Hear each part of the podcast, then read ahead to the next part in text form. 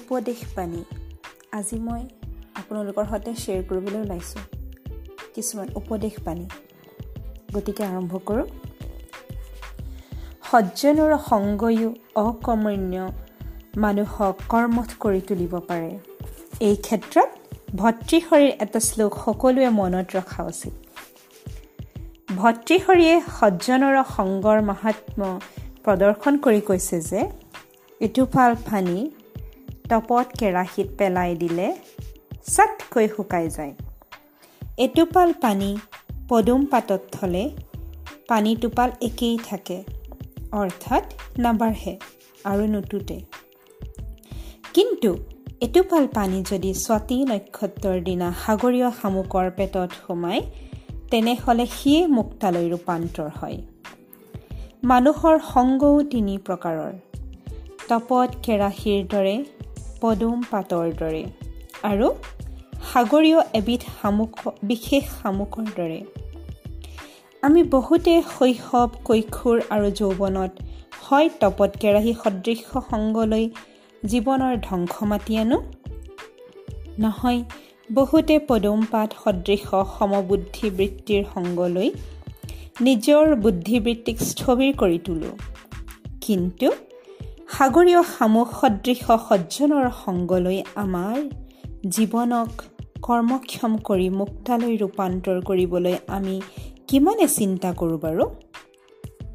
যদি তাকেই নকৰোঁ তেনেহ'লে মনুষ্যত্বসুলভ গুণাৱলীয়ে জীৱনক সুখী আৰু ভোগী কৰি তোলা সম্ভৱ নহয়।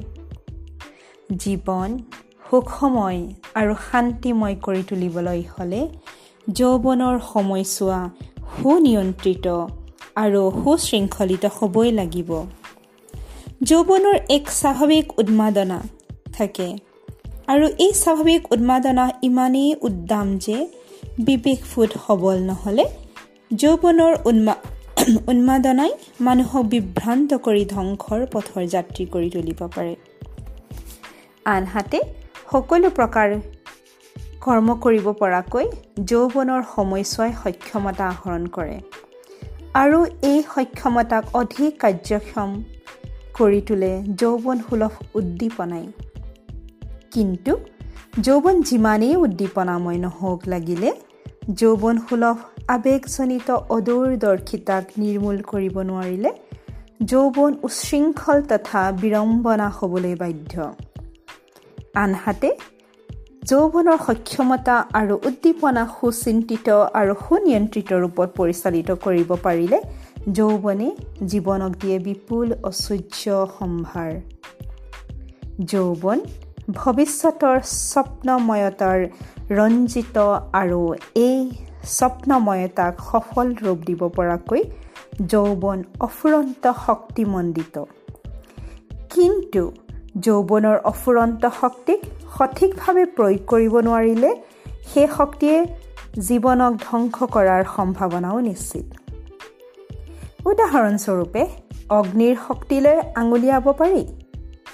অগ্নি অত্যন্ত শক্তিশালী। শক্তিশালী অগ্নিক নিয়ন্ত্ৰণত ৰাখি আমাৰ প্ৰয়োজনীয় কামত যেতিয়া প্ৰয়োগ কৰোঁ তেতিয়া অগ্নিৰ পৰা আমি উপকৃত হওঁ।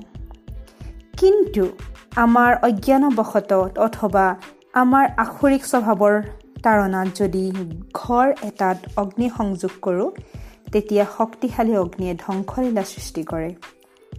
যৌৱনৰ শক্তিও ঠিক তেনেকুৱাই। সুপ্ৰয়োগ হ'লে ই সুফল হয় বা সুফল দিয়ে আৰু অপপ্ৰয়োগ হ'লেই যৌৱনৰ কাৰ্যই জীৱন বিপন্ন কৰি তুলিবও পাৰে। আমাৰ বহুতে যৌৱনৰ সময়ছোৱাত অনেক সপোন দেখে জীৱনক জোনালী কৰি তুলিবৰ বাবে। কিন্তু জীৱন জোনালীৰ বাবে যৌৱনক সুনিয়ন্ত্ৰিত ৰূপত পৰিচালিত কৰি কেনেকৈ সৃষ্টিধৰ্মী কামত আত্মনিয়োগ কৰিব লাগে এইষাৰ কথাৰ প্ৰতি কিন্তু দৃষ্টিপাত নকৰোঁ। এনে সচেতনতা নথকাৰ বাবেই বহুতে দৈনন্দিন জীৱন অতিবাহিত কৰে। হয় অনাহক কামত নিজকে ব্যস্ত ৰাখি নহয় ৰং তামাচা হাঁহি শিকিন্দালি কৰি বহুতৰ ক্ষেত্ৰত দেখা যায় যে গ্ৰন্থ আদি অধ্যয়নৰ পৰা নিজকে নিলগাই ৰাখি যৌৱনটোক জ্ঞান বিমুখ কৰি তোলে। আৰু এই শ্ৰেণীৰ যুৱক যুৱতী চিন্তা চৰ্চা বিমুখ বাবে আধুনিকতাৰ নামত মূৰৰ চুলি দেহৰ সাজ পোছাক লাহ বিলাহ কৰি অমাৰ্জিত ৰুচিৰ ধাৰক আৰু বাহক হৈ নিজেও ধ্বংসৰ গহ্বৰমুখী হয়। আৰু লগতে সামাজিক সুস্থতা তথা শালীনতাকো বিপৰ্যস্ত কৰি তোলে।